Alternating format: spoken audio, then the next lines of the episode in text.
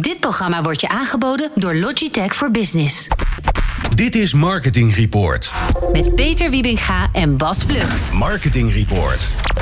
Zicht op media. Met René Zeedijk. Precies, René. je bent daar er weer, zijn we man. Nou, het is toch snel gegaan deze Nou, maand. het is niet normaal. Niet normaal hoe snel ik hier weer sta. En dan met zo lekker weer en alles. En op Prinsjesdag. Nou, ik ben heel erg gelukkig. Ja, ik moet je zeggen dat Huh? eh, het is, een, het is een, eh, een bijzondere dag. En Ja. inderdaad niet zozeer vanwege die Prinsjesdag. Nee. Maar gewoon omdat wij er weer zijn. Derde klopt. dinsdag van de maand. Zeker. En René Zeedijk gaat het nieuws weer duiden. Ja. En waar gaan we het over hebben, René? Nou, om, ja, het begint natuurlijk met consolidaties. Daar hebben we het wel eens vaker over. Maar de printwereld, die kunnen we afvinken. Dat is klaar. Dat is gebeurd. Eh, eh, NDC, nou, ik denk dat de meeste mensen wel hebben gezien natuurlijk. Eh, De, de, de dagbladen, Leeuwarden Courant, Dagblad van het Noorden. In andere handen, in de handen van een mediahuis. En dat is toch wel een beetje een verrassing. Vond ik ook. Want NDC is al sinds 2013, voor de mensen die het weten, al een samenwerking aangegaan met TPG. Oftewel Ja. de persgroep. Eh, op sales, distributie, redactie.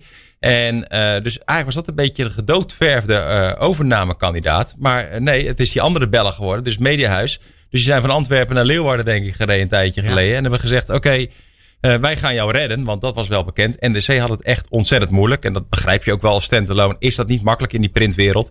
En eh, nou goed, dat is dus eh, een, een feit. Het is ehm, interessant hoe dat, hoe dat zo ongelooflijk eh, geheim is gebleven. Ja, ik denk dat het redelijk. eh, ja, Knap dat klopt. Dat hebben ze heel knap gedaan. Absoluut. Ik vind ook lef. Ik vind Ja. sowieso wat, wat de Belgen doen. Vaak met lef en, en overtuigingskracht gaan ze een bepaalde markt in.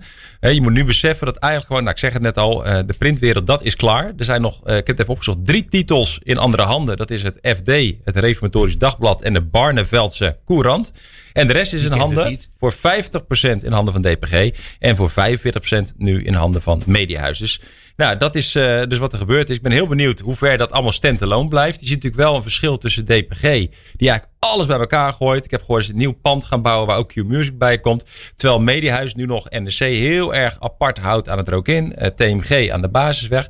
Dus ik ben benieuwd, dit natuurlijk in Leeuwarden, wat er gaat gebeuren. Of Mediahuis daar nog bepaalde slagen op gaan maken. Want meestal weet je wel dat de Belgen wel eh, met liefde hard ingrijpen. Dat is Dat toch is wel een beetje eh, eh, fijn. Dus daar ben ik wel benieuwd naar. Ja, Goed, liefdevol de nek omgedraaid. Zeg René, eh, ik wil graag even met jou speculeren. Want eh, je zegt net zelf, zeven jaar lang partnerschap met de DPG Media. Ja. Dus die waren ervan bekend dat, eh, hè, dat NDC bestond. En toch hebben ze dat niet overgenomen. Hebben ze zitten te slapen? Hebben ze gewoon minder geboden? Of eh, misschien vonden ze het wel te kranterig? Of, nee, eh, ik denk dat DPG een andere strategie heeft. Ik denk dat DPG met de overname van Sanema al heeft gezegd van... joh, dit is klaar. Ik heb genoeg eh, eh, printbereik. op. Ik bouw digital bereik op. En ehm, wat ik nu denk is dat deze partijen gaan kijken naar onze audiowereld. Oftewel naar de radiowereld. Als ik om me heen hoor, staat bijna elk radiostation te koop. Eh standalone redden ze het niet meer. Bij Talpa wordt zwaar ontkend, maar ik hoor het toch te veel terug Ik ook. dat, dat Talpa echt zwaar te koop staat. Ja, kijk, als DPG. Ik, ik, ik kan me heel goed voorstellen dat DPG nu gaat kijken naar Talpa of een andere radiocombinatie. Dan, dan, als ze dat zouden doen, dan zouden ze dus in één keer vier stations van Talpa overnemen.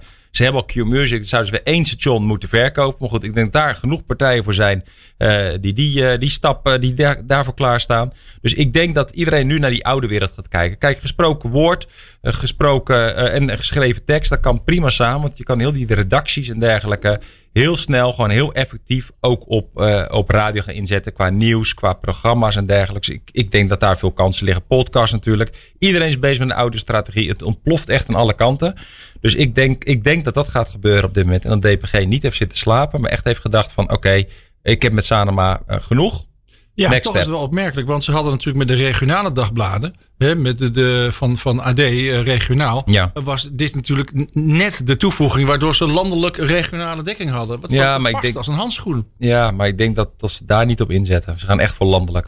Continu. Op, Ja. alle, op alle onderdelen. Ik denk dat dat echt eh, aan de hand is. Ja. Hey René, als we even heel even speculeren. Want ik vind het wel interessant. Dus stel je nou voor hè, dat zo'n dealer zou komen. En dat ze die vier radiostations van ehm, eh, Talpa zouden overnemen. Ze hebben natuurlijk al Q-Music.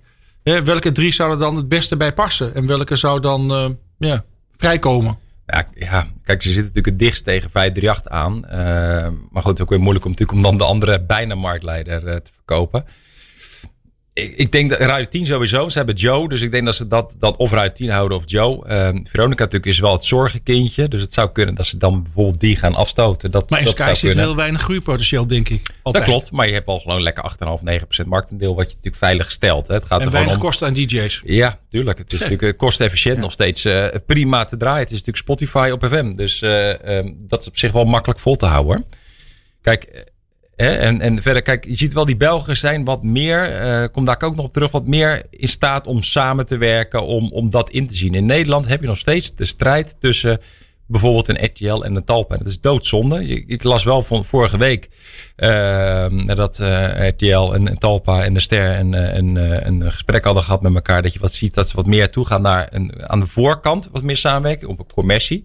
Hè, dat zie je wel echt. Dat, daar gaan we wel naartoe in Nederland. Je hebt OMS voor Talpa-zenders en niet-Talpa-zenders. Etherlines voor RTL, voor RTL en niet-RTL-zenders. En dat, dat zou je zien, dat er daar misschien nog een derde verkoophuis max bij komt. Klaar. Net zoals je vroeger IP had. Twee tot drie verkoophuizen en klaar. En aan de achterkant zou je zien dat je nog steeds elkaar gaat concurreren.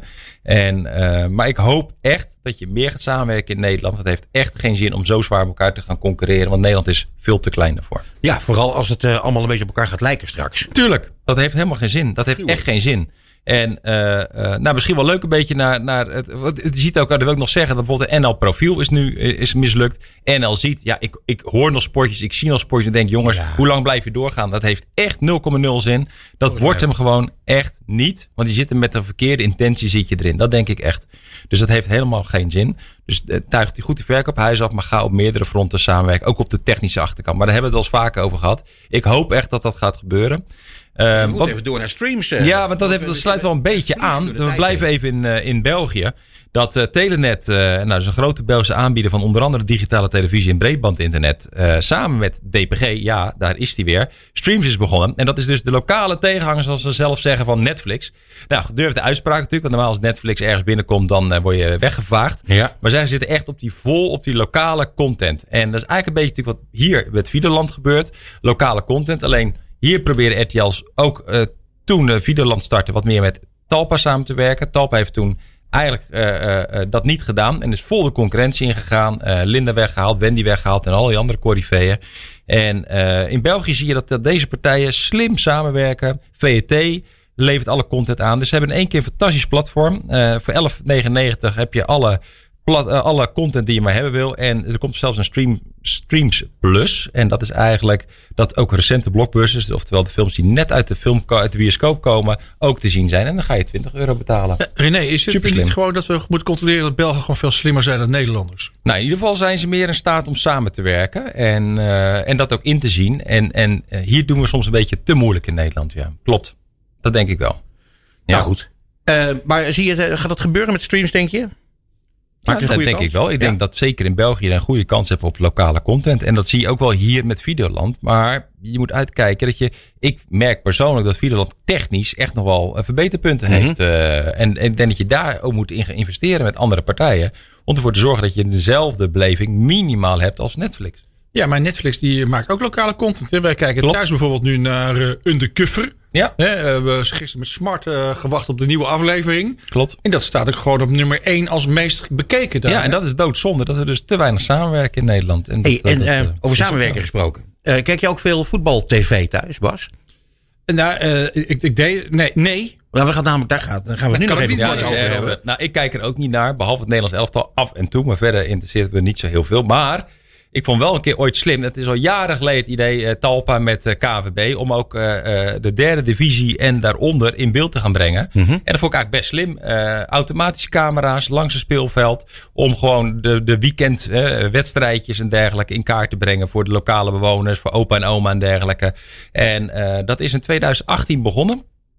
Totaal hadden ze de afgelopen tijd 150 speelvelden waar je dus live naar kon kijken. Flinke Ook- investering. Ja, zeker. Uitzending gemist, hoogtepunt en dergelijke. En de clubs konden voor 5000 euro eenmalig, 200 euro per maand eh, eh, nou, dat materiaal krijgen. Dus eigenlijk klopt het allemaal wel. Maar je hebt ook nog te maken met de autoriteit persoonsgegevens. En daar is het eigenlijk misgegaan. Met als gevolg dat voetbaltelevisie eh, zelf faillissement heeft aangevraagd Ja. omdat ze gewoon niet eruit kwamen met die persoonsgegevens. En waar gaat het om? Je kunt je als team afmelden, maar niet als persoon. En eh afmelden betekent dus een opt-out. Hè, dat je jezelf afmeldt. Ja. Maar eh, eh, deze wet geeft er altijd aan dat je persoonlijk een opt-in moet geven. Dus eerst van tevoren toestemming. En dat is eh, wat eh Voetbal TV niet heeft gedaan. En daarom is het nu eh, op zwart gesteld. En dat is toch wel zonde. Want zeker in coronatijd is het natuurlijk mooi als je gewoon eh, toch eh, vanuit de woonkamer eh, kan kijken alsof je langs het voetbalveld staat. Ja, Dat is waar. nee, dat, eh, Ze hebben zelf het faillissement aangevraagd Ja. hierbij. En er wordt nog een rechtszaak doorgezet. Maar als ik jou zo beluister, heeft dat nul kans. Ik denk dat ze die rechtszaak niet gaan winnen. Nee, omdat ze dus echt in staat moeten stellen om, om persoons, eh, een persoon een opt-out te laten geven. Maar ja, dat is natuurlijk best lastig. Want je kan niet de ene speler wel in, in, in beeld gaan brengen, eh, eh, duidelijk. En de andere geblurred. Dat gaat niet. Dus ik denk dat het een heel moeilijk verhaal gaat worden. Ja. Ik vind het eh, alles bij elkaar eh, een, een, een tragisch verhaal. Ik, vind wel, ik vind het zonde. Ja. Het is wel tragisch. Dat Ja, klopt. echt jammer. Ja. Ja. Ehm, nou ja, en zoals jij net eh, al zei eigenlijk, René, dat eh, die maand die gaat heel snel voorbij. Ja, maar deze tien minuten ook, denk ik. Precies. ik zag hem voelden aankomen, we Peter. bruggetje ook keihard Ja, aankomen. enorm. Hey, ontzettend bedankt weer, eh, Ja. René, dat je ons hebt meegenomen in, eh, in het nieuws. En eh, wij eh, spreken elkaar weer heel snel. Oktober. Hoi. Hoi. Tot zover Marketing Report op New Business Radio. Alle gesprekken zijn terug te luisteren via podcastkanalen als Spotify, Duke of Apple Podcasts. Komende maand zijn we er weer op de derde dinsdag van de maand. Tussen half zeven en acht uur. Tot dan.